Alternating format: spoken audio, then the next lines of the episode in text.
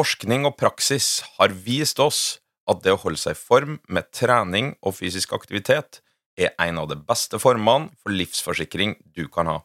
Men ingen av oss vet hvilke retninger livet tar oss i, og selv ikke trening kan beskytte deg mot uforutsette hendelser som brann og ulykker i hjemmet ditt, et sykt barn eller forsikre bilen din.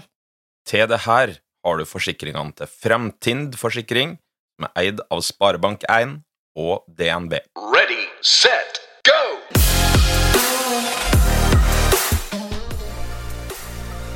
Hjertelig velkommen til prestasjonsprat med Eirik og Melina.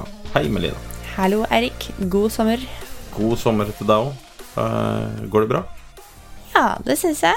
Det er, jeg er i gang med min workation, som jeg kaller det. Det vil si, det blir lite vacation i år, og mer work. Så jeg har jo pakka med meg artikler og datamaskin og tatt turen med deg og Niklas til Trøndelagen, da. Deilige Trøndelag. Trivelige Trøndelag. Ja. Ja, så vi er da i mitt uh, gamle hjem Ja. uh, her på Inderøya. Uh, her har vi hatt Niklas har fått holde på med sine besteforeldre, mens vi har trent litt. Og du har jobba. Jeg har uh, slappa av. Jeg har ferie. Jeg har ikke jeg har ikke så mye prekært som brenner akkurat nå. Så jeg, jeg nyter ikke late dager, men relativt late dager mens jeg ser på at du jobber. Så det er deilig. Ja, det Du sitter og ser på at jeg jobber. Det er jo spennende. Det, det er ferie for meg. Ja. Nei da. Men eh, jeg syns egentlig det går fint. Det blir liksom ikke tidenes sommer, på en måte. Det er en sånn, går ikke inn i historiebøkene som den kuleste sommeren i livet mitt. Men uh, den uh, funker, og den er ganske fin. Og altså, så lenge det er fint vær, jeg får trent bra, og jeg får spist digge ting, Ja. da går det bra. Og i dag har vi spist russisk wienerbrød, av alle ting. Det får du på Inderøy, vet du. På Berg gård. Ja. Der har de russiske wienerbrød. Ja. Eh, I tillegg til akevitt. Eh, vi prøvde ikke så mye på akevitten i dag. det var ikke så fristende. Nei, men det russiske wienerbrødet var helt nydelig. Eh, I Trøndelag viser seg fra den desidert beste sida, med 5-26 grader sol. Det betyr òg at når vi da trener, så svetter vi. Det er varmt. Det er fryktelig varmt. Eh, det er nesten for varmt for undertegnede. Eh, men eh, det, det er akkurat på limiten. Sånn at jeg, når vi kommer oss opp Vi har jo ei levende vekkerklokke som vekker oss tidlig. Dermed får vi jo trent ganske tidlig. Men eh, i dag prøvde vi å trene midt på dagen, og da rant det Ja. av meg. Og Det var heldigvis en rolig økt, men i morgen så skal vi jo ha Hva er det vi skal ha i morgen? I morgen skal vi Vi skal ha en intervall på bane.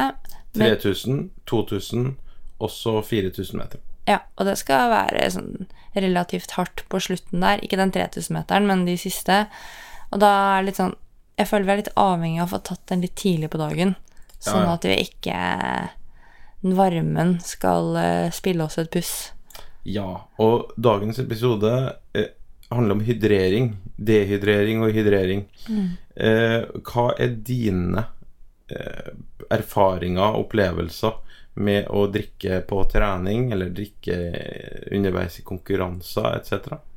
Ja um, Altså, når jeg danset, så hadde vi jo noen uh, trenere som ikke tillot at vi hadde drikkeflaske uh, på treningen. Så drikke kunne man gjøre etterpå.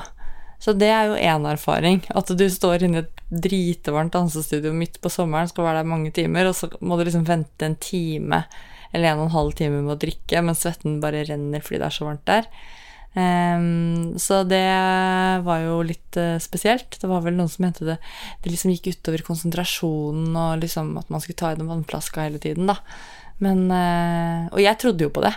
Så jeg tenkte sånn Jeg skulle være beinhard. Jeg skulle ikke ta i den vannflaska, for å si det sånn. Skulle ikke være den personen som var så svak at jeg måtte ha drikke på trening. Eh, og siden har det endret seg, den oppfatningen og kunnskapen min, heldigvis. Men allikevel litt sånn Jeg drikker ikke kjempemye på trening, og det er jo litt fordi jeg er litt redd for å eh, At det skal gå utover magen. For får du, har du mye innhold i magen og løper og drister rister og sånn, så kan jo det også være litt sånn ubehagelig. I hvert fall hvis det er ting som er litt langvarig. Men jeg har jo en litt sånn policy om at når en økt varer mer enn to timer, for min del, da eh, Mer enn to timer rolig, da har jeg med drikke. Og også hvis det er harde økter som er lengre enn en time. Hvis det strekker seg opp mot en og en halv time, og det er harde økter, da har jeg også med drikke. Men på konkurranser, da må jeg si det, syns jeg Da er det vanskelig å få i seg drikke. Både på løp og skirenn. Jeg drikker sikkert kjempelite. Det er jo mye erfaring, og har alltid slitt med Ikke på rolig, men eh, i forbindelse med intensitet. eh, Enten konkurranse-wise eller på intervall etc. Da eh, sliter jeg med å svelge unna mye drikke. Mm. jeg kan ta litt drikke i munnen hvis jeg blir litt eh, tørr i kjeften.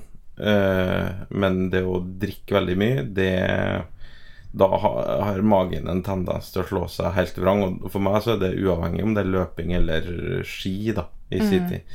Det er mm, eh, klart ikke å få til det der. Men uh, vi skal i dag se litt på rådene omkring det med hydrering. Uh, hvordan det skal gjøres, og hva er det som egentlig skjer uh, når vi blir dehydrert, sånn prestasjonsmessig. Vi heter jo prestasjonsprat, så vi må ta for oss det. Eh, og hvordan har liksom rådene vært opp igjennom? Ja, altså historisk sett så har rådene angående hydrering, de har svingt litt.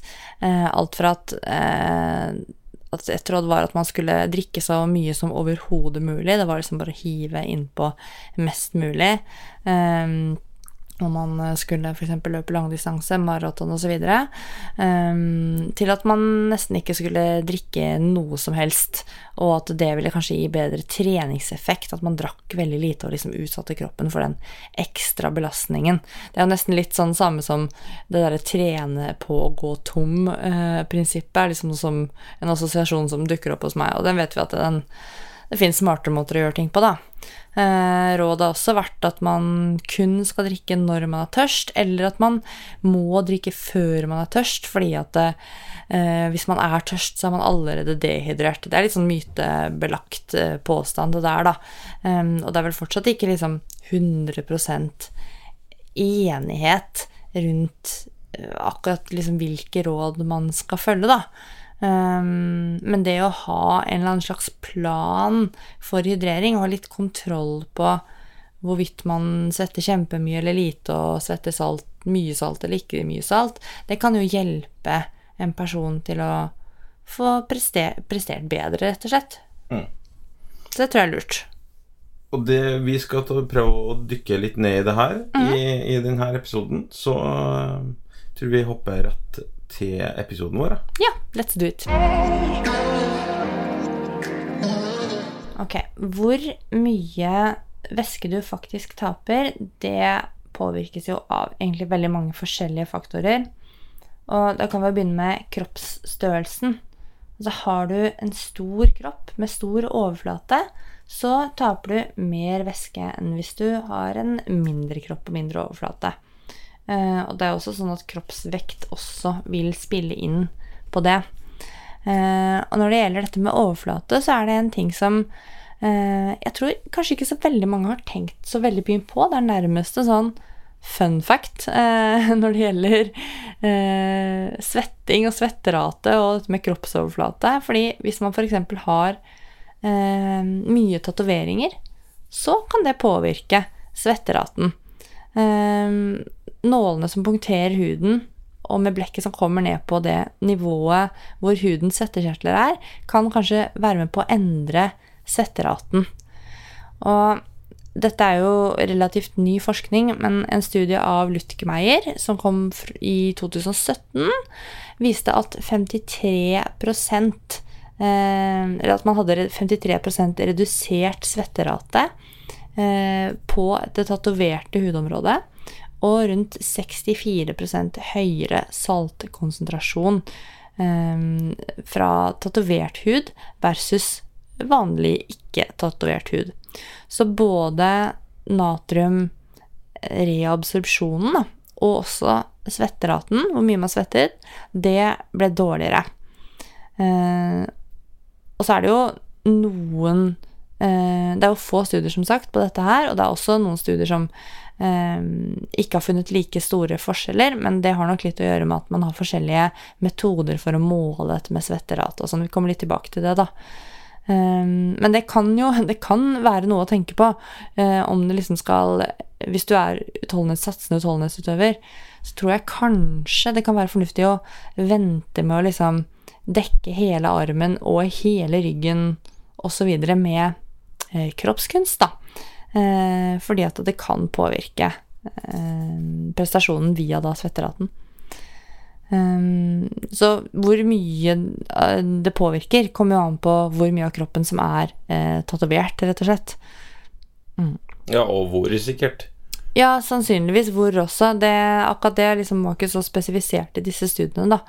Um, men, eh, men, sannsynligvis hvert fall hvor stort område. Så det er i hvert fall, selv om man ikke vet så mye om det ennå, så er det i hvert fall noe å liksom ha i bakhuet noe å tenke på, da, hvis man vurderer å smykke seg ytterligere med tatoveringer. Eh, og så er det jo sånn at kroppssammensetning påvirker. Mm. Mm. Om ja, hvor mye muskler du har, hvor mye fett du har, etc. Mm. Eh, det påvirker jo. Altså musk muskulatur, det utvikler jo varme. Ja, produserer fryktelig mye varme. Ja, mens fett eh, kanskje isolerer godt, men det produserer jo ikke varme. Nei.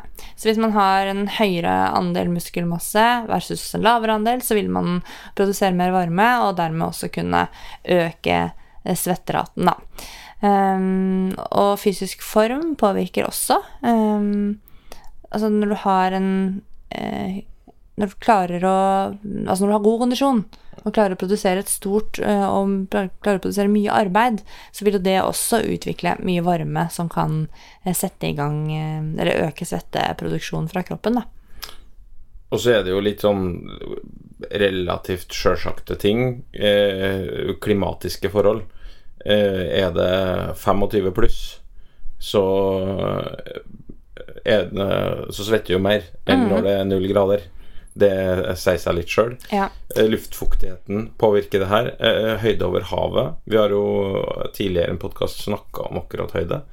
Eh, der ventilerer du mer, og du har ikke så nødvendigvis så mye med svette å gjøre, men der da du mister jo væske gjennom mm. at du puster mer. Og det gjør du også når det er kaldt, f.eks., som vi snakket om i episoden med Julie Stang.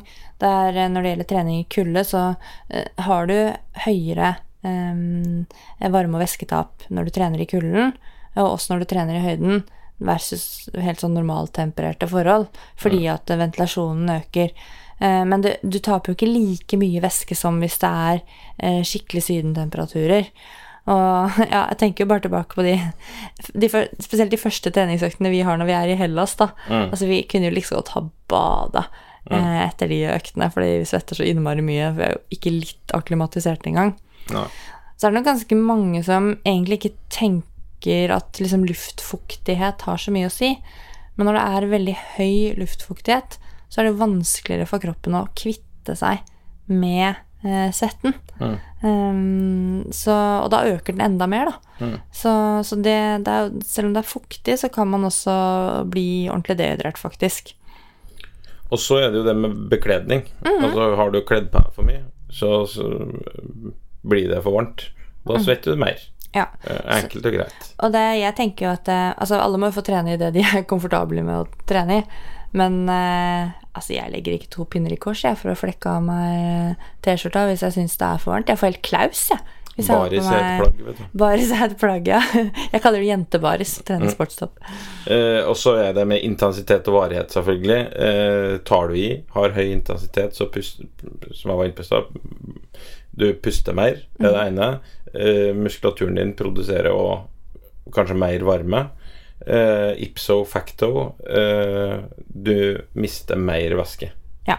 per capita. Ja, ja. per tid. Ja, og hvis noe varer selvfølgelig lenge, selv om det er lav intensitet, så vil du jo tape mer væske enn om du ikke trente. Så de er litt sånn selvsagte ting, da, men det er jo viktig å huske på at ok, nå skal det være Er vi lenge ute, selv om ikke man har tenkt å ha en så veldig hard økt. Hvis man er lenge ute og det er varmt i været og kanskje i tillegg litt høyere luftfuktighet enn vanlig, da kan det være lurt å, planlegge litt, en liten hydreringsstrategi.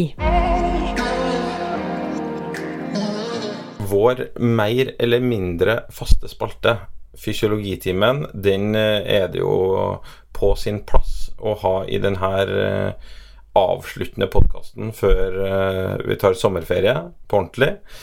Og det er sånn at kroppstemperaturen vår den må reguleres innenfor en veldig liten range.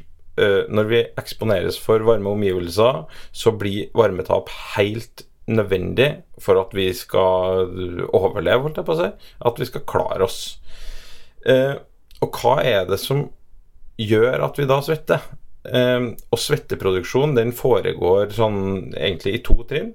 Først så lager eh, der kjertelcellene et filtrat av blodplasma. Ja, blodplasma, det er jo den væsken som er liksom Altså ikke de røde blodcellene, men den andre væsken. Ja, som- det filtrerer da eh, blodplasmaen vår. Eh, og det her filtratet, da, det skilles ut i svettekjertelgangen. Svettekjertelgangen, eller sånn vanskelig ord, syns jeg også. Eh, som en respons på acetylkolin. Acetylkolin har vi jo vært innom i flere podkaster tidligere, så jeg anbefaler å ta et dypdykk bakover hvis en vil ha eh, mer innsikt i hva det her er. Eller google. Ja, Google er også lov. Eh, da får du svar fortere enn hvis du skal begynne på episode 1 og lete deg fram til det. Eh, Men det her acetylkolinet det frisettes fra sympatiske nerveender, som er en del av det autonome nervesystemet vårt. Og det andre trinnet det består i at cellene i det her kjertelgangene tar opp igjen salter, spesielt natriumsalter, sånn at svetten eh, som skilles ut, da, eh, består av tilnærma 100 vann. Eh, det tallet vi har funnet, heter seg 99,5% vann. Veldig sånn konkrete tall. Ja. Ja. Men det blir jo da, er interessant at det blir en sånn oppregulering i da, eh, gassen i nervesystemet. Ja. Altså den sympatiske delen, da, og det liksom sparker i gang den her Og Dette er under trening, selvfølgelig, da. Sparker i gang den her eh, eh, acetylkolinen og, og hele liksom At vi i det hele tatt begynner å svette. Eh, Så det, Jeg har ikke tenkt så mye på det før, men det er selvfølgelig styrt fra sentralnervesystemet og det perifere nervesystemet. ja eh, det, hadde vært litt funny hvis det hadde vært viljestyrt. eh, Ja, ja, nei. Men det bare, jeg, har ikke, jeg har ikke tenkt så mye over det før. Nå skal jeg svette. Ja, nå skal jeg svette. Det er heldigvis Lett å hjernen. glemme, da. Ja, lett å glemme. Fader, jeg glemte å svette på økta. Krise. Det hadde vært krise. Ja. Ja. Eh, ja, og så er det dette med dehydrering er jo eh, et, av, et av temaene her når vi snakker om nettopp det å svette, for det er jo en situasjon som kan presentere seg, at man blir dehydrert. Og det finnes jo forskjellige eh, grader av dehydrering, men den fysiske og for så vidt den kognitive prestasjonsevnen, den reduseres i takt med altså graden av dehydrering. Og i varmt klima så tåler man væsketapet egentlig mye dårligere eh, enn hvis det er et ja, mindre varmt klima, og prestasjonen påvirkes egentlig negativt allerede ved ca. 1-2% væsketap. Så det skal med andre ord egentlig ikke så veldig mye til da, før prestasjonen påvirkes. Og særlig er det sånn at det som har med utholdenhetsprestasjon å gjøre, det er spesielt utsatt, fordi dehydrering det fører til at det blir en økt belastning på hjertet og blodårene, og det fører til f.eks. at slagvolumet, altså så mye blod som hjertet klarer å, å pumpe ut, eh, altså antall liter hjertet pumper ut da, eh, per sammentrekning, eh, det eh, reduseres og det er jo ikke positivt, for vanligvis vil jo at det skal økes eh, når prestasjonen skal, skal opp, og pulsen økes også. Eh, styrke og kraft vil også kunne påvirkes, og også, som jeg nevnte innledningsvis, den kognitive funksjonen. Så alt dette blir negativt påvirket ved at man faktisk har for lite væske i kroppen, at man er dehydrert. Og så er det jo en rekke symptomer da, som følger med dette her, som kan hjelpe oss å forstå at vi er dehydrerte. Eh, og det kan føre til at man føler seg slapp, man kan føle seg kvalm, man kan få kramper. Det vet jeg jo vet jeg mange som har opplevd det. Har du fått det? Eh, Jeg har egentlig aldri fått kramper eh, så veldig mye på en aktivitet. Nei. Men jeg, jeg kan ha fått det etter mm. en aktivitet. Ja. Men jeg har aldri vært plaga med det bank i bordet. Eh, så mye underaktivitet. Eh, så skal jeg si det at jeg har garantert vært dehydrert Ja. opptil flere ganger. Jeg konstant, går rundt og er konstant tørst. Eh, men eh, kramper, heldigvis. Lite av det. Ja. Nei, jeg har ikke hatt så mye av det selv heller, men uh, lite grann. Så det er jo kramper, det er jo noe som kan presentere seg. Også at man føler seg svimmel, litt sånn omtåket. At koordinasjonsevnen reduseres. Og hvis man driver med da sånn tekniske idretter, langrenn f.eks., ganske teknisk av utholdenhetsidrettene våre, da kan det gå, godt, gå hardt utover teknikken, f.eks. Og dehydrering, som er altså med et væsketap på større Eller et tap av kropp, Ja, mer enn 4 Altså ikke væsketap, men at kroppsvekten reduseres mer enn 4 Da øker risikoen for eh, mer alvorlige eh, og liksom mer sånn inngripende eh, symptomer som oppkast og diaré og andre mage-tarmproblemer som kan komme under trening. Det er jo mange mekanismer, og flere enn dette, som fører til nedsatt prestasjon ved dehydrering. Det at man taper væske, det gjør at dette plasmavolumet som du var inne på, Erik, blir lavere. Og da blir blodtilførselen til muskulaturen og til huden redusert. Da blir jo eh, altså kroppens evne til å tape varme blir jo med en gang dårligere. Og videre så øker også en opphoping av avfallsstoffer i muskulaturen, og kroppstemperaturen øker ytterligere. Eh, og den i tillegg da kardiovaskulære økte belastningen og forstyrrelser i væske- og saltbalansen, det vil gjøre at dehydreringen gir en økt risiko for overoppheting og heteslag. Og overoppheting og dehydrering, det vil hver for seg kunne resultere i at prestasjonsevnen blir dårligere, og selvfølgelig også sammen. Og det kan gi alvorlige helsemessige eh, konsekven konsekvenser. Det som er veldig viktig å egentlig bare slå fast her og nå, det er at man ikke kan trene seg opp til å tåle væsketap og dehydrering. Altså, det er ikke noe vits å tøffe seg med de greiene her.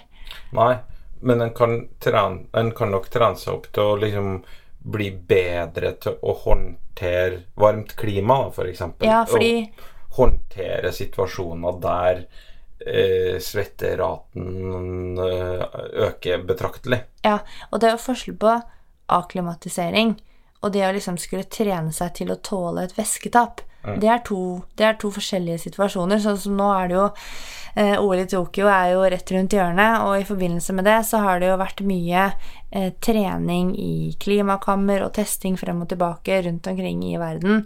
Og spesielt med tanke på de, en del av løpsdistansene som skulle gå på et sted hvor det ville bli fryktelig varmt. Nå er de blitt flytta, da.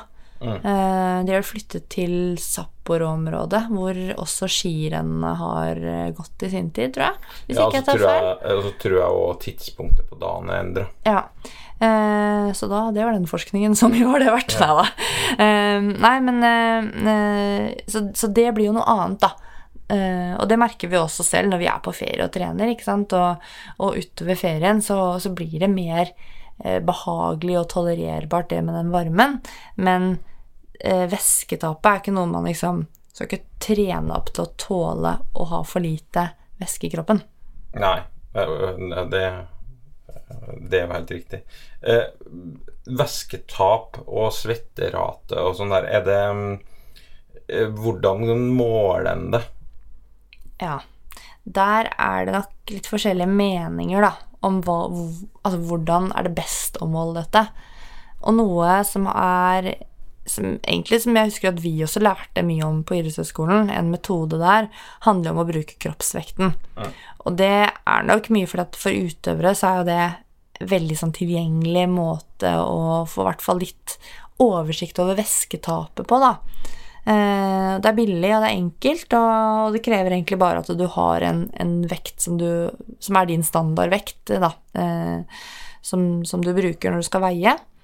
Eh, og da veies eh, utøveren på en helt standardisert måte før eh, økten og etter økten, på en så nøyaktig vekt som man får tak i, og da helst med så lite klær som mulig, og med tørr hud.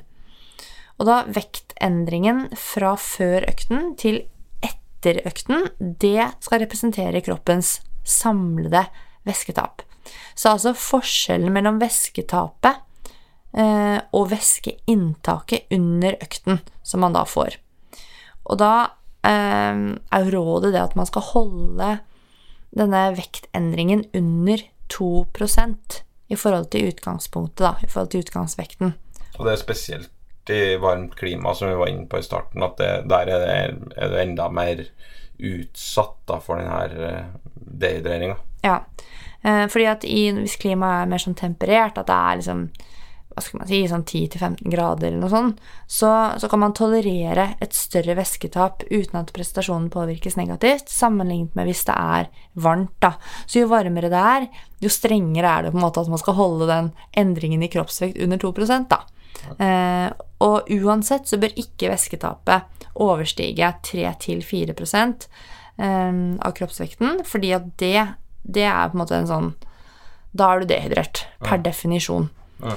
Det som er litt ulempen med den testen her, da, det er jo at eh, du, du får jo et bilde på væsketapet, men det sier jo ingenting om eh, elektrolyttapet. Altså hvor mye salter har du tapt. Um, sånn at uh, for de som må ha litt sånn presis hydreringsstrategi Det kan være av individuelle årsaker, eller fordi Ja, det kan være mange årsaker, men for de som må ha det der litt mer presist, så, så, sier det ingenting om det, da. Det sier ikke noe om hvordan du bør blande din sportsdrikk. Ja. um, men, men, jeg tror det er et bra sted å starte. Ja. Så hvis man får litt oversikt over det, og da er det jo lurt å um, kanskje gjøre dette litt over tid, da. Sånn at du kan se forskjeller på forskjellige økter, og for um, Og ikke minst for Altså, du kan se hvis du endrer litt strategi, ja. om det påvirker i Kall positiv retning, da. Ja, at du kanskje taper, taper litt mindre væske, da. Mm. Um, så det kan være en, et lite prosjekt man kan kjøre med seg selv med hjelp av en enkel kroppsvekt eh, Nei, kroppsvekt. En enkel eh, badevekt. Eh, Presis sådan og, um, og standardisere denne veiinga av seg selv, da. Um, ja, og da er det jo Det er ikke så nøye egentlig hvilke tall som står på vekten. Det må jeg si sånn i utgangspunktet. Du er bare ute etter forskjellen. Det er endringa. Endringa som du er ute etter. Ikke om du veier liksom 74 eller 75 kilo sånn utgangspunktet, da. Um, ja. Og så er det jo denne her 2 %-grensen, da. Det er veldig sånn rigid, konkret tall. Ja, for det, det mener jo jeg var øh, Når vi gikk på, på idrettshøyskolen, så øh, var det 2 %-grensa vi lærte om. Ja. Altså, det var eh, den røde linja ble trukket på 2 ja. Alt eh, innafor der eh, var mm. Nedafor der, da, var ja. greit, og alt overfor der, da blinker rødt. Ja, nå har vi gjort litt research, og den, den er omdiskutert, den 2 %-grensen, men den står likevel fortsatt. Altså det, er, det som ligger til grunn for den, da, det er at det er flere, men egentlig relativt gamle studier, som er eh, enige om at et væsketap utover 2% er ødeleggende for prestasjonsevnen og for eh, trening, altså prestasjon på trening. Så det er jo dette eh, American College of Sports Medicine, som er en sånn ledende institusjon, har basert eh, sine råd på, da. Um, men problemet er at flere av disse lab-studiene som eh, da har blitt enige om denne 2 %-grensen, eller i hvert fall lander på det samme, de har blitt kritisert for å ikke simulere det som faktisk skjer i den virkelige verden i stor nok grad, fordi at man har brukt metoder som f.eks. badstue eller eh, vanndrivende midler eh, for å, å få forsøkspersoner dehydrert, fremfor å faktisk la dehydreringen skje på en mer naturlig måte, og en mye mer gradvis måte, da. Eh, så, så det er jo noe av kritikken der. Men det er uansett ikke så lett å bevise den perfekte, eksakte grensen for når dehydrering blir ødeleggende. Eh, og det er heller ikke sånn at man må erstatte væsketapet 100 eh, underveis. Vi kan tåle å ligge litt i minus. Men Jeg tror det er nest, det i hvert fall sånn som sommeren er akkurat nå her, da, mm. så tror jeg det skal veldig godt gjøres å klare å erstatte å ligge i og erstatte 100% på alle typer økter. Absolutt. Og sånn som jeg forstår eh, eh, det jeg har lest av forskning og, og også mye, mye meninger av fagpersoner rundt omkring nå, det er jo det at eh, du, man trenger ikke stresse med å erstatte væsketapet med på treninga med 100 Rådet har jo vært at man skal rehydrere med 150% Jeg tror det er et godt råd.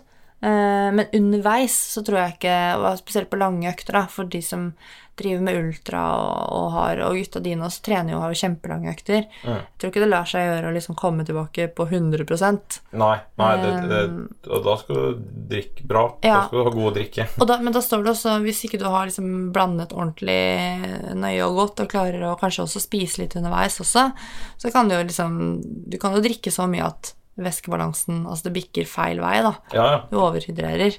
Så, men det fall Det virker som det er greit å ligge litt, litt i minus, da. Ja. Um, så det er den ene testen, den er med kroppsvekten. Og så er det en annen sånn mer sånn direkte svettetest. Og da eh, kan man jo gjøre, seg, gjøre en økt, eh, og så har man noen sånne spesielle sånne padder, eller sånn sweat patches, eh, kaller man det, som soaker opp, da, tar til seg denne svetten som en sånn svamp, og så eh, er det jo en sånn labpersonale som måler inn, Deilig jobb, forresten. måler innholdet. Sexy, det. Sexy og klemmer ut. eh, mm, eh, og måler innholdet i, i svetten. Og så er det også noe som heter eh, jontoforese, eller et eller annet sånt. Jeg er ikke så godt kjent med denne metoden, men det er en sånn metode hvor du stimulerer bare en bitte liten Du trenger ikke trene, egentlig, for å gjøre den svettetesten. Du stimulerer en bitte liten del av um, et lite område av huden, et kjempelite område, som setter i gang dette acetylkolinet som du var inne på, og setter i gang eh, den nevrale responsen, da, eh, som gjør at du svetter litt, og så kan man eh, på et eller annet vis få samlet opp og analysert eh, det, da. Så det krever jo litt mer eh, jobb, og det koster sikkert noen penger også. Jeg har ikke mm, gjort dette selv, og kjenner ikke noen som har gjort det heller, men jeg vet at det er noe som brukes for eh, for eliteutøvere som er, har, har hatt problemer med hydrering og ernæringsmessige utfordringer, og, og sannsynligvis noe knyttet til hydrering, f.eks. hvis man er sånn ordentlig salty sweater, da. Eh, så må man kanskje finne ut litt mer. Så det er mulig, og det fins. Um, og noen som har spesialisert seg veldig på dette, er jo et firma som, som er egentlig ganske godt kjent innenfor uh, uh, triatlonmiljøet, uh, ettersom jeg forstår, og også ultramiljøet, det er et firma som heter Precision uh, Nutrition Nei, ikke Precision Nutrition, det er noen andre, men Precision Hydration.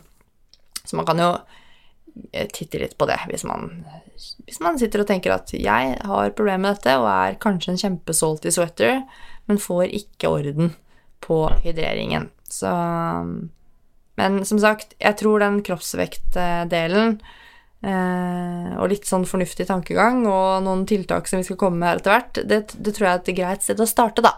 Uten Det- å gjøre for mye ut av det. Det tror jeg er billig, raskt og enkelt. Som Kiwi. Mm, Ja. Det er kja- kjapt, trygt og billig, det. Ja, ok. Det er sikkert dette òg. Det er i eh, all hovedsak så egentlig to tilstander som vi forsøker å unngå når vi planlegger væskeinntak, og hva da denne væska skal inneholde. Og det er kanskje å overdrive å si at det er like mange eh, typer sportsdrikker og væsketyper som det er idrettsutøvere i verden, men det er ikke langt unna. It's a, it's a jungle out there på den biten der. Ja, det er det virkelig. Og det er eh, Nå snakker vi bare i hermetegn her om væske og eh, natrium, eller elektrolytter. Vi skal ikke snakke om karbohydrater og diverse komposisjoner av det i dag, for det sparer vi til en annen podkast med, med en veldig flink gjest. Så, så ja, det er, det er mye eh, kombinasjoner og, og varianter. Men jeg vil jo si at vi tar kanskje for oss det absolutt viktigste. Ja, Sånn, ja. vi gjør nok det. Det, det er to tilstandene som vi forsøker å unngå. Det, det ene det er hypernatremi, og det andre det er hyponatremi.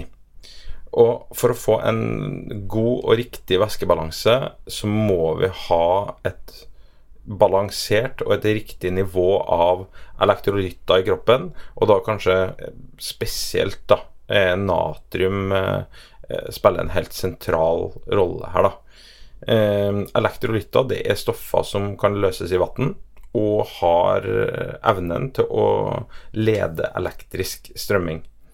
Ved hypernatremi så er salt, eh, saltkonsentrasjonen i kroppen for høy, enkelt og greit.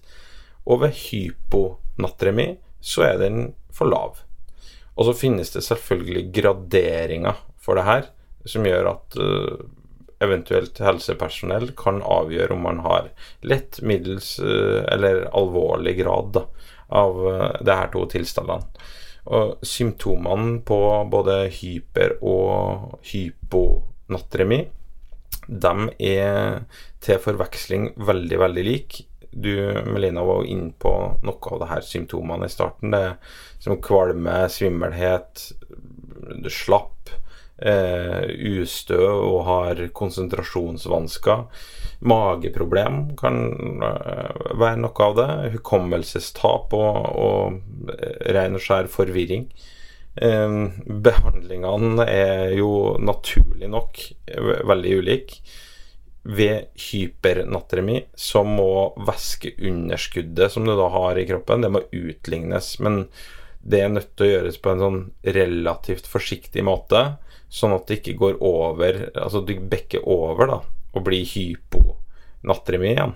Og, som da er en tilstand hvor man må kvitte seg med overskuddsvæske for å få normalisert av den her natriumkonsentrasjonen. Ja, og det er jo sånn at altså hvis man kommer i de, de situasjonene der, da, eh, hvor det er eh, kanskje moderat til mer alvorlig grad, så er det jo helsepersonell som tar vare på deg.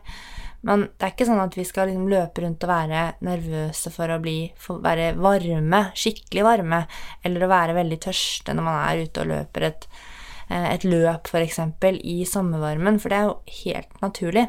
Men det er en del ting man kan gjøre for å eh, forebygge at man eh, blir dehydrert. Eh, og også selvfølgelig forhindre at man blir overhydrert. Og det er nok et sånn ja, veldig greit sted å starte, det med å tenke at man skal ha i seg nok væske, og at man skal ha i seg nok natrium. For det, det her natriumet, da, det, det, er jo litt essensielt for ganske mye i kroppen. Det, det totale væskevolumet i kroppen din til enhver tid er egentlig avhengig av hvor mye natrium du har i kroppen. Mer natrium er, er lik egentlig mer væske, og vice versa. Um, I tillegg til å opprettholde væskebalansen, så er natrium viktig for næringsopptaket ditt, og ledning av nerveimpulser og muskelsammentrekninger. Uh, så med andre ord så er natrium spiller en sentral rolle i AS-kroppen. Um, og kroppen kan ikke lagre natrium over et visst nivå, og den kan heller ikke lage det sjøl. Så hver dag så må du fylle på, sånn at du har da den perfekte mengden da, av det her. Ja, og når det er sagt, så er det jo faktisk sånn at de aller fleste av oss kan jo egentlig kutte litt på natriumet. Altså kutte litt på saltet. Det er jo det som gjelder for de fleste mennesker. Men så er det jo sånn at det er jo um, et knippe av oss, jeg liker å si at vi er med i den gjengen, som driver med mye trening og driver med idrett som kanskje er i litt sånn annen, et litt annet sjikte, da. Uh, som kanskje faktisk må ha litt fokus på å få i seg tilstrekkelig med salt. Og i hvert fall hvis man er en såkalt saltsvetter, så må man ha fokus på det. Jeg prøver jo å ha fokus av og til på å spise litt potetgull. Fordi Og det er ikke først Jeg liker, jeg liker jo potetgull veldig godt, men det er jo først og fremst for at jeg er en salty sweater. Så jeg har jo ikke lyst til å spise med potetgull, men jeg føler at jeg må det da i et sånn helseperspektiv. I forbindelse med trening? du er en salty sweater. Jeg har ikke sett så veldig mange tegn til at du er det. Nei, men uh, jeg tror at jeg er det. Du føler det? Ja. Ja, ok. Jeg forstår. Jeg sier det til meg sjøl når jeg åpner Sørlandsskipsposen. Ja, og du som er sånn en salty sweater, da. Du påstått i hvert fall, anekdotisk. Eh, kan ikke du Har du noen forslag til eh, hva, hva man kan gjøre? Det er jo ganske eh, Altså, det er stor variasjon, da, i hvor mye eh, hver person svetter. Og du eh, påberoper deg å være en saltsvetter. Så det er jo også stor forskjell i hvor mye salt man taper. Og så er det stor forskjell i hvor mye væske man taper. Det er ikke alltid de to tingene henger 100% sammen, men eh, ja. Nei, som du sier her, da, så er det ganske stor variasjon i hvor mye ulike personer svetter, og i hvilken grad denne svetten Eller innholdet i denne svetten, da. Eh, eh, og så i tillegg så har jo en ulik kapasitet for den her reabsorpsjonen av natrium. Eh, på, på samme økt kan jo to forskjellige personer i, som er høvelig like god form, svette alt fra 200 til, til 2000 milligram per liter. Ja. Altså natrium per liter. Natrium per liter. Og det er, det er ganske stor forskjell. Ja. ja, det er kanskje det største liksom, spennet i den rangen, da. Um, men, eh, men det gir likevel et eh, bilde på at det er kanskje Kanskje det er verdt å tenke på at man skal individualisere litt og, og titte litt på dette her med hvor mye natrium tenker man selv at man trenger, da. Um, og så er det jo egentlig to hoveddrivere som gjelder da, når man skal få kontroll på denne væskebalansen. Og det ene er jo å få litt kontroll på den totale mengden svette. Og det kan man prøve på ved den vekttesten. Og så er det andre hvor mye salt du taper. Og det er jo ikke like lett å få et sånn helt konkret bilde på hvis man ikke gjør disse her andre svettetestene, som ikke er så lett tilgjengelige. Men um, hvis man eksempel Altså, et tegn på en saltsvetter, da. Da er det jo sånn at du får hvite eh, saltrenner på klærne. Og man kan føle seg veldig sånn crusty, altså veldig sånn du, Altså, du har salt på huden. Eh, og og det, og det skjer veldig ofte, da. At du er hvit på huden, og, og det ligger salt oppå deg. Um, og så ser man jo kanskje det på seg selv, da, sammenlignet med kanskje andre man trener sammen med, hvor det ikke er tilfellet i det hele tatt. Ehm, så sånne ting, sånne symptomer, da, kan jo hjelpe en til å, å se om man er eh, en saltsvetter. Og så er det jo faktisk sånn, man kan jo bare Man kan faktisk bare prøve å hive på litt mer salt og se om man opplever seg bedre. Eh, og man får bedre prestasjonsevne. Men, eh, men vi får ta en liten sånn smørbrødliste med anbefalinger for væskeinntak. Ja, og det, det her, dere kartlegginga av hvor mye du svetter, er jo faktisk en av de her anbefalingene. Eh, Er jo å, å prøve å få et slags Danne deg et bilde på hvor mye som skal til for å, at jeg i alle fall ikke eh, kanskje bekker over den 2 som vi har vært innpå, da. Så at, eh, og det med å, å kanskje i forkant av ei økt eh, innta litt drikke eh, Du begynner jo Når du begynner en aktivitet, så setter du jo veldig raskt i gang en eh, økt væsketap, da.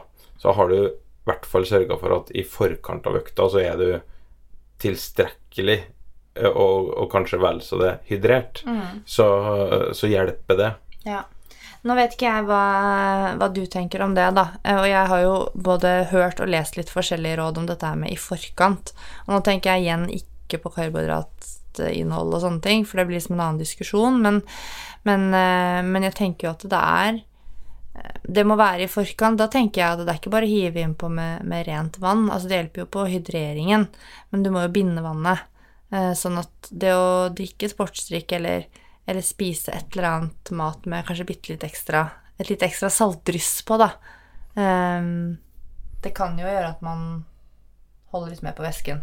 Ja, og, og jeg, i hvert fall sånn Min erfaring med det, som ikke er veldig stor, er jo at jeg litt som jeg sliter med å drikke underveis i en aktivitet, og, jeg og litt hvis jeg har drukket veldig mye i forkant. Mm.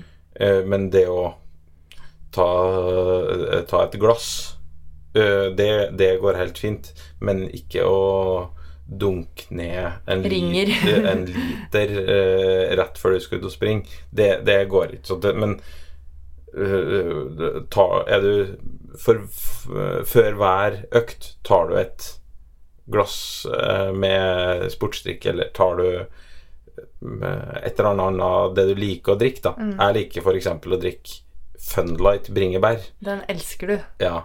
Og det er ikke noe næring i den, og det er ikke noe salt i den, men da får jeg i hvert fall i meg litt ekstra væske. Ja, smaksatt drikke eh, gjør jo at man drikker litt mer, så det er jo et lite funlight-triks du har der, da. Um... Ja, eller eh, Funlight er jo ikke nødvendigvis et triks, men det å, å gå for drikke du sjøl liker veldig ja, godt. det var det jeg mente. Um, og så eh, underveis i aktiviteten så er jo det å uh, kanskje drikke ofte, oftere enn liksom sjelden og masse hver gang. Så heller ha litt ofte, og da trenger du ikke å drikke så mye hver gang. Det er en eh, stor fordel, og det har vi jo sett på noe Jeg husker ikke nøyaktig hvordan det studiet ble gjennomført, men det var jo litt sånn De kartla når de så øh, folk drikke, da, og så så de at de som da hadde hyppige stopper og ikke drakk så mye, totalt sett så fikk de faktisk i seg mer enn de som stoppa sjelden og drakk øh, mye i gangen. da Ja. Men totalt sett så kommer du bedre ut med å, å heller stoppe litt ofte og drikke kanskje litt mindre. Det, skal jeg, det rådet skal jeg ta personlig til meg, for jeg føler alltid at jeg har Uansett hvor langt skirenn eller løp som jeg har vært med på, så føler jeg alltid at jeg ikke har tid til å stoppe å drikke. Eh, men det er sannsynligvis kanskje verdt det hvis man skal holde på i fem mil pluss, så ja. Ja. Og så eh, Altså, en kjapp hest jeg har, da, det er fordi jeg, takler jo ikke lunka eller varm drikke på drikkebeltet. Altså sjøl midtvinters så må jeg ha kald drikke. Uh, og det er jo en anbefaling, og kanskje spesielt når det er varmt i lufta, det er jo å ha litt kald drikke. Altså iallfall under 15 grader. Eh, og jeg, jeg må ha det så kaldt som overhodet mulig. Jeg blir varm. Og da det, det, det koker over for meg hvis jeg får lunka drikke eller, eller for varm drikke. da Men det passer godt sammen med det rådet om at man skal drikke Altså ikke drikke kjempemye og, og sjeldent. For det å hive innpå iskald drikke, eh, kjempemye iskald drikke, det kan jo gi litt mageproblemer. Så, så heller ofte, da, men og da også ha kald drikke. Og så er det jo sånn når økta er over, så er det veldig hensiktsmessig å raskt komme i gang med å erstatte det her væsketapet som du 100% sikkert har hatt på den økta. Eh, og det heter seg vel at du skal eh, rehydrere 150 Ja. av tapt mengde. Og, det, og her er jo selvfølgelig bedre alternativer enn rent vann. Det er jo sportsdrikk eller eh, Jeg slår et slag for sjokolademelken, jeg, ass. Det er eh, For eksempel. Ja, både væske og karbohydrater og ja, kan man ha litt, spise litt salt mat, da. Så er man liksom Ja, ja, good to go. ja. Ikke potetgull. ja Potetgull og sjokolademelk. Det helt, eh, høres ut som en, eh, en firestjerners middag. Ja. Eh, Og så er jo en ting til som er en sånn klar anbefaling, og der eh, må jeg arrestere meg sjøl. Det er jo på det med å øve. Øve Ja. på å drikke under aktivitet hvis du er idrettsutøver, eller at det er viktig for en prestasjon. At du faktisk får i deg underveis i harde konkurranser. Så må du øve på det. Ja, og vi har sagt at man, man, kan ikke, man kan ikke og man skal ikke øve på eh, væske, å være væsketapt og væsketap, men man skal øve på væskeinntak. Det skal man definitivt gjøre. Og, og det handler jo også om det å trene opp toleransen til magen. Ikke sant? For å ha innhold der mens du løper eller mens du gjør fysisk aktivitet. Det er, det er mange eh, Og i tillegg til å trene opp atferden, så er jo flere faktorer som, som spiller inn på dette her med å øve på å drikke under aktivitet. Men det er et viktig punkt. Uh, helt til slutt uh, i, i denne podkasten så tenkte jeg Altså er det jo tusenkronersspørsmålet 1000-kroners-spørsmålet som eh, mange stiller, er jo hva man bør drikke. Og så har du, du allerede vært inne på at vi skal jo i en senere podkast ta med litt mer om karbohydrater og, og den sammensetninga av sportsdrikke, for Ja, eksempel. typer karbohydrater Ja. osv. osv. Sånn at i, i denne podkasten så skal vi ikke gå så veldig langt inn i denne materien, men vi har allerede vært inn på det. Altså skal du jo trene over ei viss tid. Ja. Nummer- Over en time, da. Ja, nummer én, du må ha med deg drikke. Nummer to, den drikken bør eh, helst inneholde litt salter. Eh, og så skal vi komme litt mer tilbake til eh, en mer detaljert sammenfatning av hvordan den i gåsehudet perfekte sportsdrikken ser ut. Og det kan jo da, som nevnt, være litt forskjellig for ulike personer, basert på eh, svetteinnholdet, eh, kan man si, men også kanskje eh, altså hva slags type aktivitet man skal gjøre i forbindelse med eh, karbohydrat, og i hvilken grad man skal velge eh, drikke eller mat og sånt noe. Og det har vi også vært litt inne på, da. I, eh, det var vel episoden med Andreas Stokkeland, eh, aka maksprestasjon, så fikk vi også snakket litt om det. Men vi skal grave helt klart enda litt dypere. Eh, Det man kan gjøre, er jo selvfølgelig å ta en sportsdrikk og blande ut den slik det står, og det er jo et viktig poeng å faktisk følge anvisningen, for dette er jo testet frem. Eh, Sånn at hvis du skal ha tilstrekkelig med elektrolytter, altså det som står på pakka at du skal få i deg, så må du blande slik som anvisningen er. Og mitt inntrykk er at mange blander det for svakt. Eh, og det er kanskje noe som man kan øve seg på. Det kan kanskje ha litt med smak å gjøre òg, da. Man får teste seg fram til en smak man liker, sånn at man klarer faktisk å blande den ut eh, sånn som det skal være. Og så finnes det også sportsdrikk som ikke har smak i det hele tatt. Ja, Så man kan gjøre litt research, da. Det fins jo sportsdrikker for eh, alle og enhver, hvis en begynner å leite. Det, Ja. det fins så masse på markedet, og så eh, er det jo For den kreative og Så er det jo mulig å lage egne sportsdrikker Ja. som er tilsvarende bra. Mm. Da, det er bare litt mer jobb, selvfølgelig, Ja. å lage det. Men Det da er kan du jo velge hvilken smak du vil. Jeg kunne f.eks. Ja. hatt Funlight bringebær. Men det er litt vanskelig å få den eh, Altså det som kalles for palatabilitet. Altså den derre eh, Det det skal smake, da. Altså smaken sammen med konsistens osv. Alt det som gjør at du liker det og velger å innta en god del. Det er vanskeligere når du skal blande det selv, syns jeg, da. For jeg har prøvd med f.eks. husholdningssaft og bordsalt. Mm. for det fikk vi jo tips om når vi hadde idrettsernæring, om at du kan gjøre det på den måten. Men det er såpass Det er ikke så dyrt med sportsdrikk. Eh, Sammenlignet med hvor mye penger folk bruker på sportsklokker og løpesko og diverse. Så da tenker jeg da får man heller eh, kanskje teste seg litt, litt fram, da. Og, men, men det er faktisk et godt, godt poeng å ha, bruke sportsdrikk, og det er jo fordi at det gjør jo at du raskere kommer tilbake i væskebalanse sammenlignet med å kun drikke vann. Og det er jo viktig både for prestasjonen underveis, men det er også viktig for restitusjonen, som jo er helt sentral for å faktisk få treningstilpasninger.